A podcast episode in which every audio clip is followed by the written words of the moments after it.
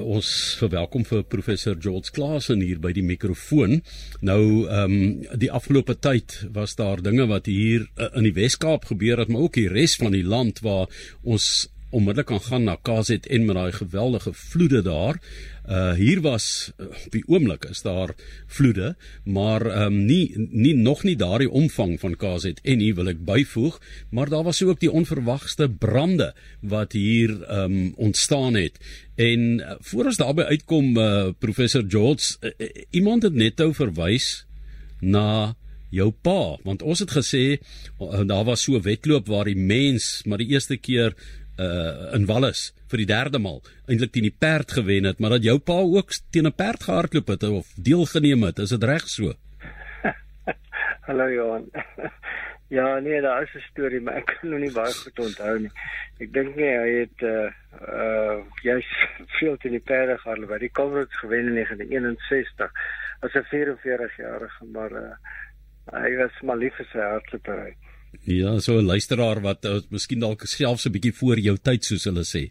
Jy weet maar ja. vertel vertel vir ons 'n bietjie van wat gebeur het daar. Ehm um, jou huis het amper in die slag gebly saam met vyf ander huise, maar ehm um, ek dink wat jou ontstig het daaroor is die feit dat jy en soos baie mense wat ek kyk nou in uh, Kebega daar Port Elizabeth, die mense wat al jare kla oor die water bestuur en beheer en so nou gaan hulle weer na die zero effek toe.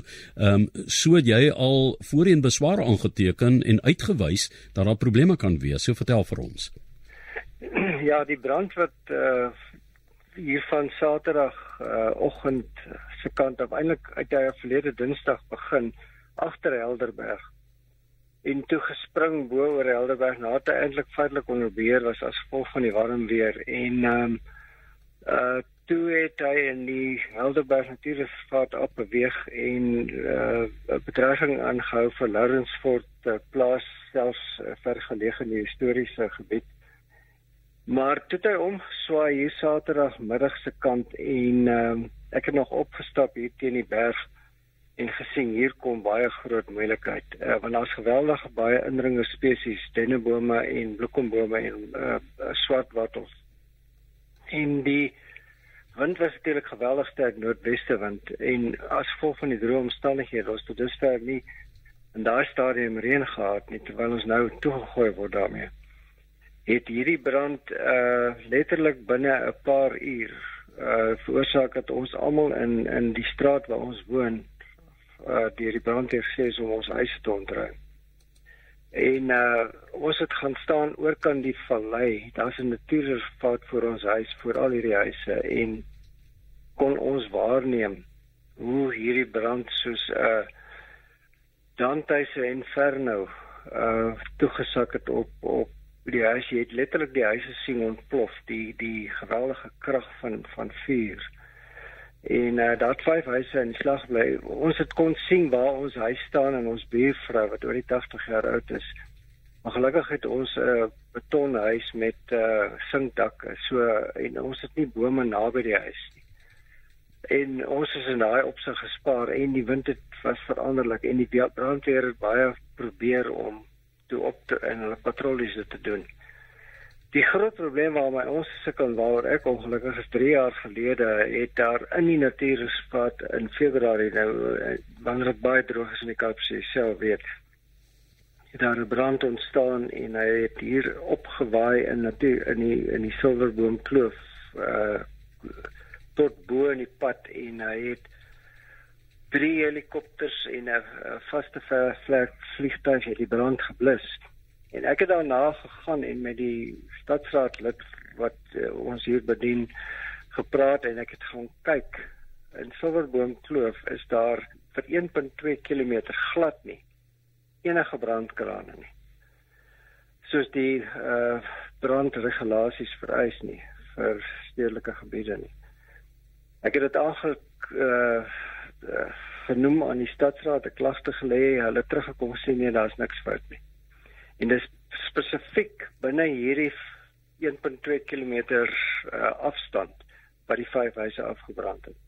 Die brandweer het tydens hierdie uh stories uh Saterdag het ons op ons WhatsApp groep gesien hoe uh van die brandweer vra asseblief wys vir ons waar is die brandkraan. Ons kon dit nie vir hulle wys nie. Daar was nie brandkraan. Daar is nie brandkraan. Daai gebied nie. Die voorstel het nie genoeg waterdruk gehad om enigsins van hierdie huise te kon red nie. Dit is 'n ehm um, ek meen dit is 'n taamlike aanklag, maar uh, professor George Klaas met wie ons gesels is media omboed by uh, Media 24 verbonde aan die departement van journalistiek aan die Universiteit Stellenbosch en uh, soos ek gesê daar's baie mense wat oor lang tye en termyne al kla oor wat hulle omgewings aangaan. Hulle sien dinge wat moontlik kan gebeur. Gelukkig 99% van die goed gebeur nie. As jy mens kyk na al die klagtes in omgewings, maar daar's heelwat realiteit waarmee mense werk.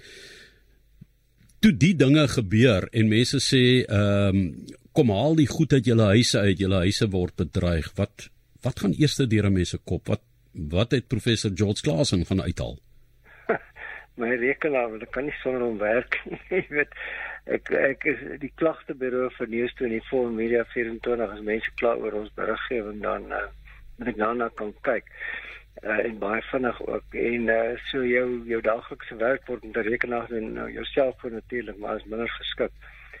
En uh, my vrou het haar uh, uh, rekenaar eers gegryp ook en 'n uh, paar noodsaaklike goed. Ag jy weet ons nou by my dogter onder in die huis is toe toe dink jy daaraan ek wat kon jy nog vir daar was nie eintlik tyd gewees nie. Baie mense wou nog fotoalbums versamel het en al die soort van goed maar die brand het so vinnig versprei.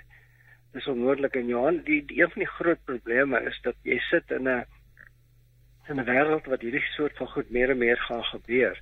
Ons sit in 'n klimaatsverandering omgewing waar dit werk die die uiterste weeromstandighede kry geweldig warm uh of baie koud met vloede en reën en al die soort van goed. Uh en ek het gaan kyk daarna, ehm uh, jy weet 'n klompie jare gelede het die Kaapstad Kaapstad se uh uh uh konsep raamwerk uitgebring wat hulle noem die Urban Forest Policy, die stedelike woud uh beleid. En daarin het 33 spesialiste hulle geaand ge, gewaarsku dat daar uitsonderlike risiko is vir vir brande binne in stedelike gebiede en hulle spesifiek verwys na die Tokai bos en Tokai omgewing. Nou ons weet wat vir hierdie jaar met die Universiteit van Kaapstad gebeur het. Uh in baie waardevolle ska uh, uh biblioteek wat vernietig is.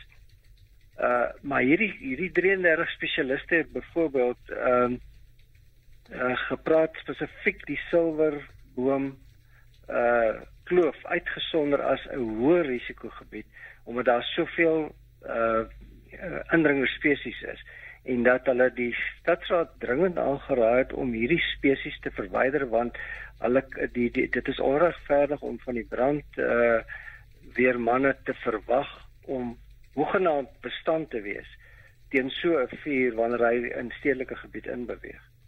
Jy weet en dit is uh en dit is daar's baie sulke plekke in Suid-Afrika. En ek dink werklik Suid-Afrikaanse uh stedelike owerhede sal moet kyk hoe hulle hierdie soort van hoe hulle klimaatsverandering gaan adresseer. Uh droogtes en vloede en al die soort goed mense te naby bou as gesien word in KwaZulu-Natal gebeur het te naby bou aan riviere. Uh en dat uh um ons woon uh ons wil bome en al die goeders hê maar uh jy die jy as die inheemse spesies brand nie so maklik nie.